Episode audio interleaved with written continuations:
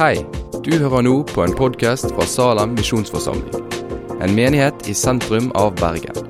Vil du vite mer om oss eller komme i kontakt med oss, gå inn på salem.no. Da reiser vi oss, og så leser vi evangelieteksten for denne søndagen fra Johannes 11, 45-53. Mange av jødene som var kommet til Maria og hadde sett det Jesus gjorde, kom til tro på ham. Men noen gikk til fariseerne og fortalte hva han hadde gjort. Da kalte overprestene og fariseerne sammen rådet, og de sa, 'Hva skal vi gjøre?' Dette mennesket gjør mange tegn. Lar vi ham holde på slik, vil snart alle tro på ham. Så kommer romerne og tar både det hellige stedet og folket vårt. En av dem, Kaifas, som var øversteprest det året, sa da.: Dere skjønner ingenting. Dere tenker ikke på at det er bedre for dere at ett menneske dør for folket, enn at hele folket går til grunne. Dette sa han ikke av seg selv, men fordi han var øversteprest det året, talte han profetisk om at Jesus skulle dø for folket. Ja, han skulle ikke bare dø for folket, han skulle også samle til ett de Guds barn som er spredt omkring. Fra denne dagen la de planer om å drepe ham. Amen.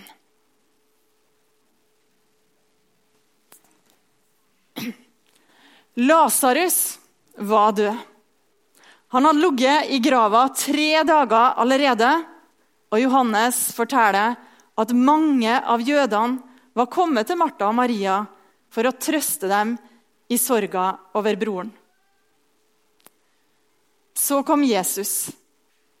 Og det er det som skjer da, som danner bakgrunnen for vår tekst, som begynner med utsagnet mange av jødene som var kommet til Maria, hadde sett det Jesus gjorde. De kom til tro på ham. Hva var det de hadde sett? De hadde sett Jesus rope Lasarus ut av grava. Og de hadde sett Lasarus komme ut med liksvøp rundt hender og føtter og med tørkle bundet om ansiktet. De hadde sett at Jesus hadde makt til å reise folk opp fra de døde. De så og trodd. Før Jesus ropte Lasarus ut av grava, hadde han en samtale med Martha. En samtale som kaster lys over hva det innebar å komme til tro på ham. Og Vi leser fra Johannes 11. Jesus sier til henne, 'Jeg er oppstandelsen og livet.' 'Den som tror på meg, skal leve om han enn dør.' 'Og hver den som lever og tror på meg, skal aldri i evighet dø.' Tror du dette? Ja, Herre, sier hun. Jeg tror at du er Messias, Guds sønn han som skal komme til verden. Å komme til tro på han, det var og det er å tro at han er Messias, Guds sønn. Og nå hadde mange av jødene, på grunnlag av det de hadde sett, trukket nettopp den konklusjonen. Jesus måtte være Messias.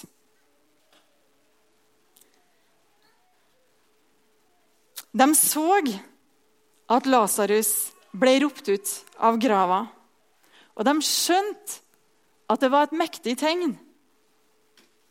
Det de kanskje ikke skjønte, men som vi kan se i ettertid, er at dette også var et frampek. Et tegn som peka framover på Jesus sin egen død.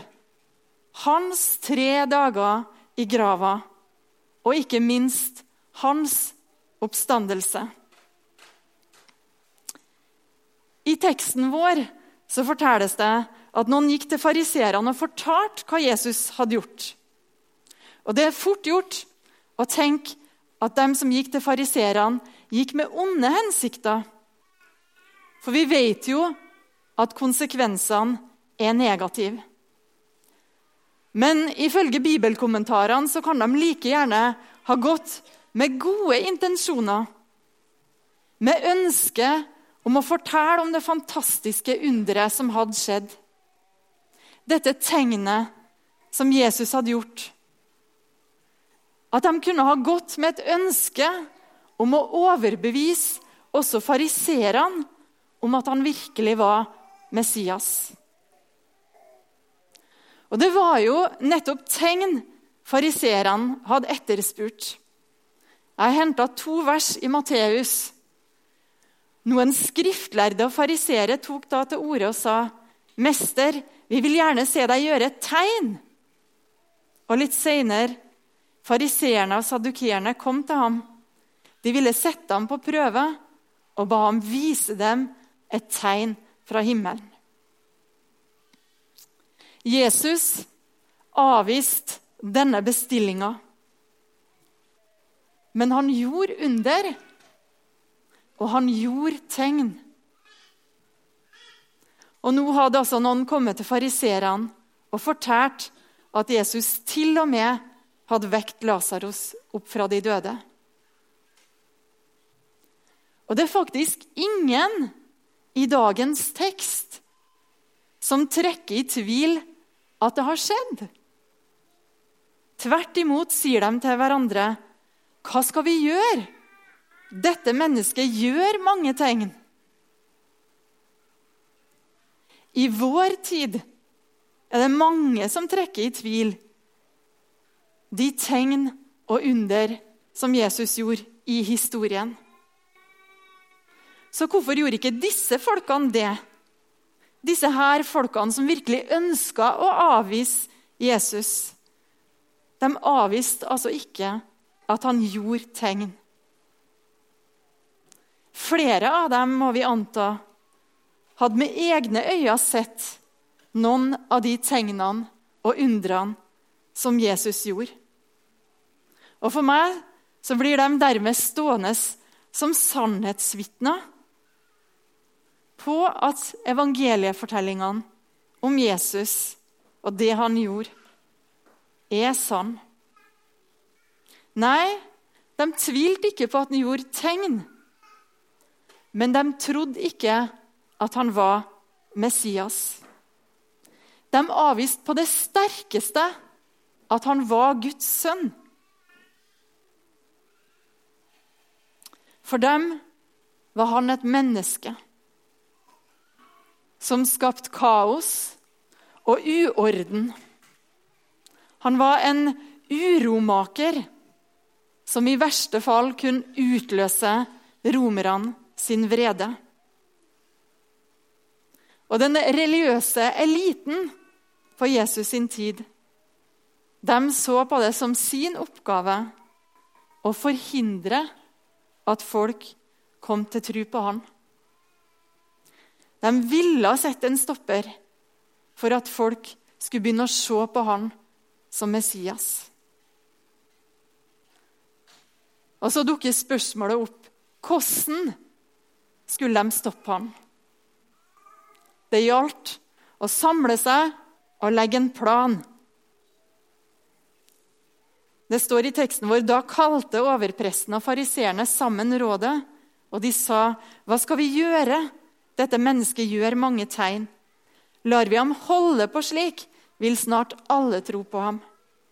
Og så kommer romerne og tar både det hellige stedet og folket vårt. Og så, i dette møtet, står øverstepresten Kaisfas fram, og han taler profetisk.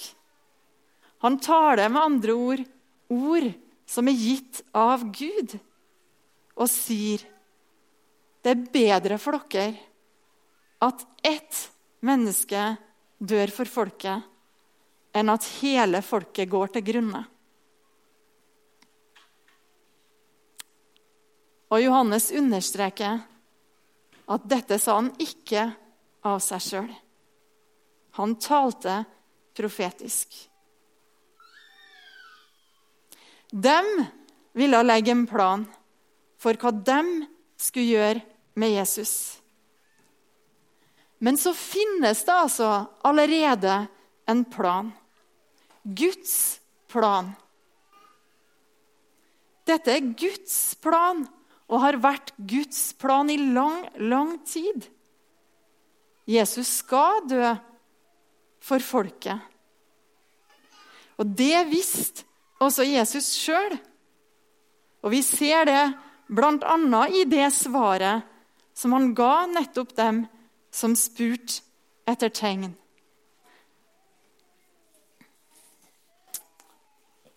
Men han svarte dem. En ond og utro slekt krever tegn, men den skal ikke få noe annet tegn enn Jonategnet. For slik profeten Jonah var i buken på den store fisken i tre dager og tre netter, slik skal menneskesønnen være i jordens dyp i tre dager og tre netter. Den gammeltestamentlige teksten i dag er fortellinga om Abraham som blir satt på prøve. Han blir bedt om å ofre Isak, sønnen sin, som et brennoffer for Herren. Og På veien opp på fjellet der de skal ofre, spør Isak hvor brennofferlammet er. Og også Abraham sitt svar må kunne skje som en profeti, som ord fra Gud, som viser hva Guds plan er. For Abraham han svarer nemlig Gud vil sjøl se seg ut et brennofferlam, sønnen min. Ja, Gud hadde sett seg ut et offerlam.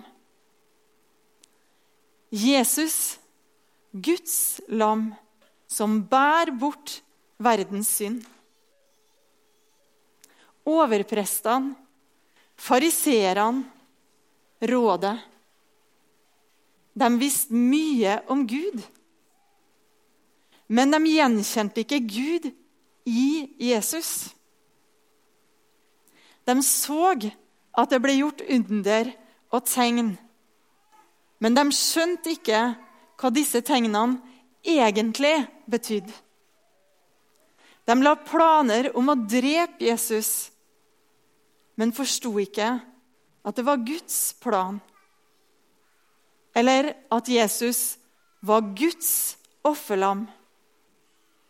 De var parat til å ofre et menneske for folket og skjønte ikke at det var Gud som var villig til å ofre sin sønn, nettopp for at folket ikke skulle gå til grunne. De ville redde folket sitt, men Guds plan var enda, enda større. Den omfatta også meg og deg, eller som teksten vår sier, han skulle ikke bare dø for folket, han skulle samle til ett de Guds barn som var spredt omkring. Et offerlam. For oss så er gammeltestamentlige offertradisjoner fremmed. Men på Jesus sin tid var det fremdeles en del av hverdagen i tempelet at det skulle bæres fram offer til Gud.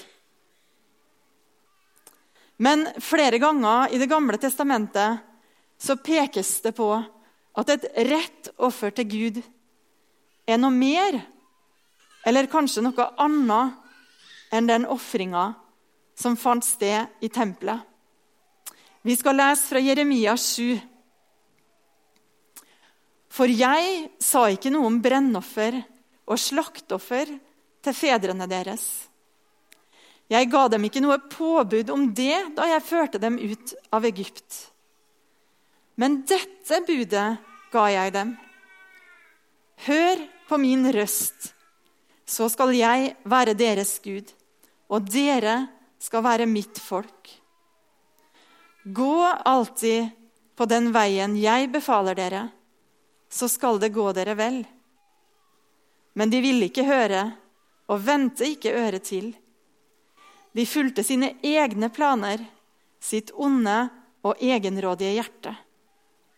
De gikk bakover, ikke fremover.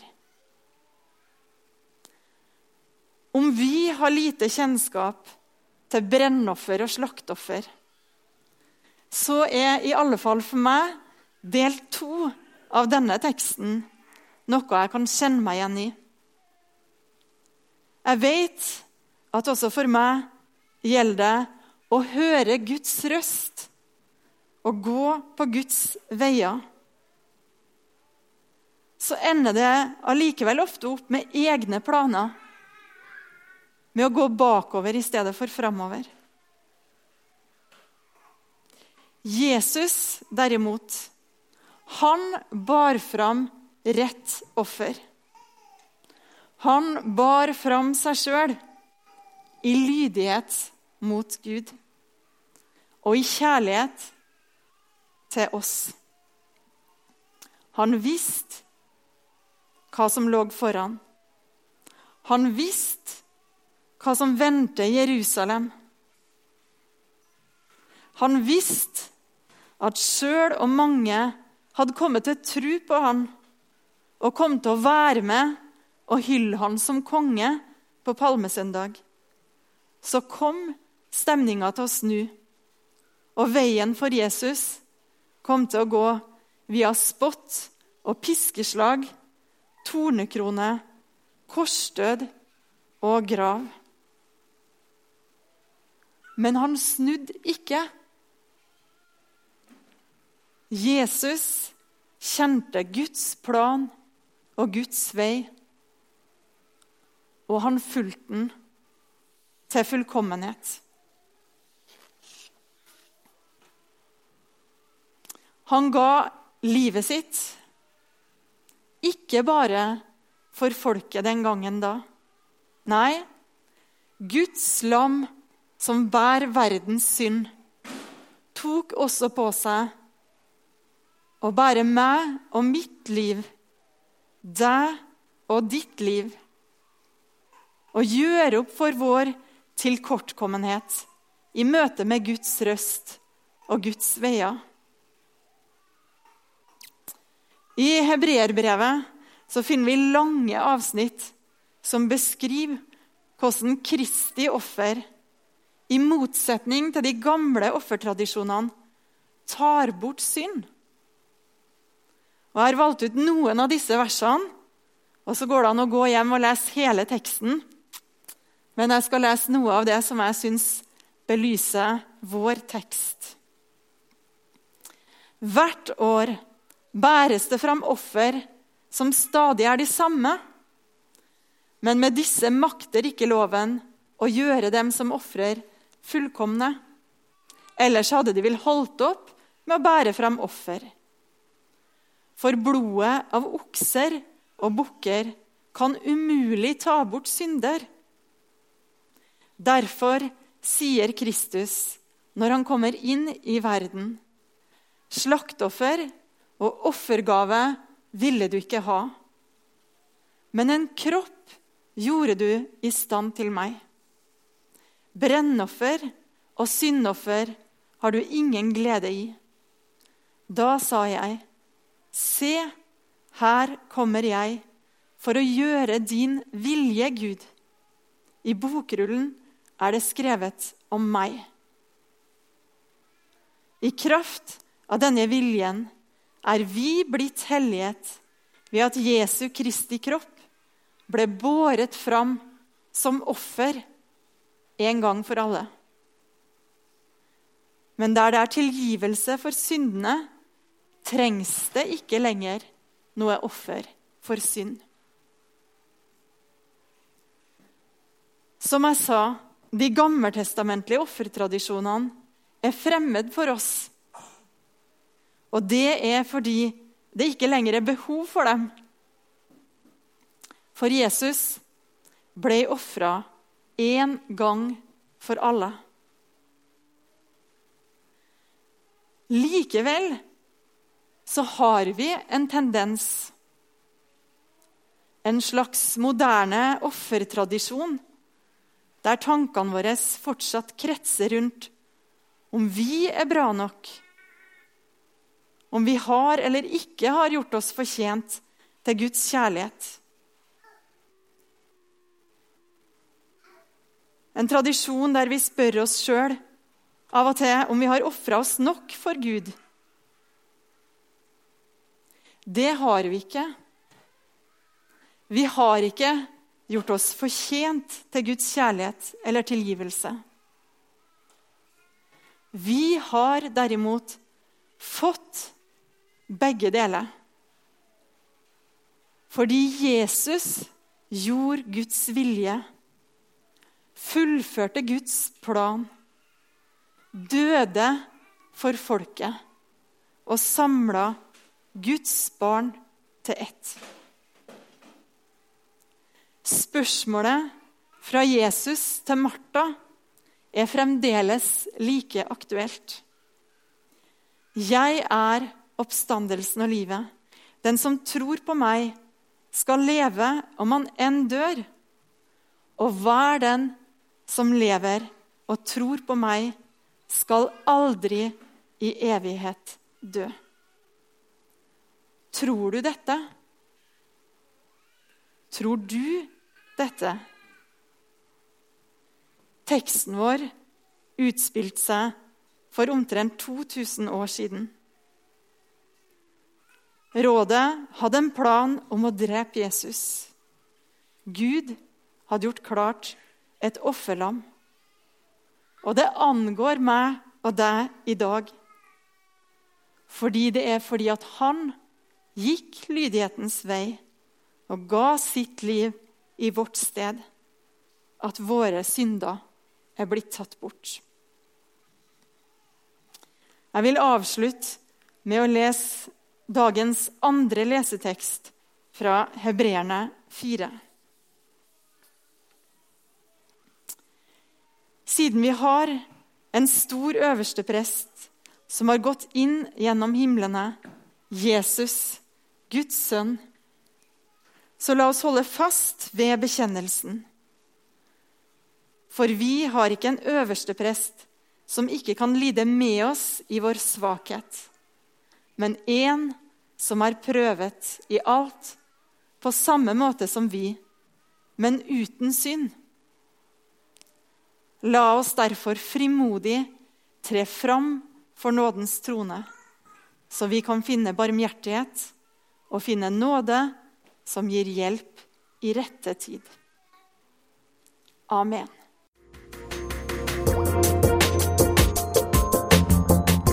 Takk for at du har hørt på podkasten fra Salem, Bergen. I Salem vil vi vokse i et stadig dypere fellesskap med Gud og med hverandre. Vi vil være Jesu hender og føtter, og vi vil være med og forkynne frelse for Bergen og resten av verden. Besøk oss gjerne på salem.no om du vil vite mer.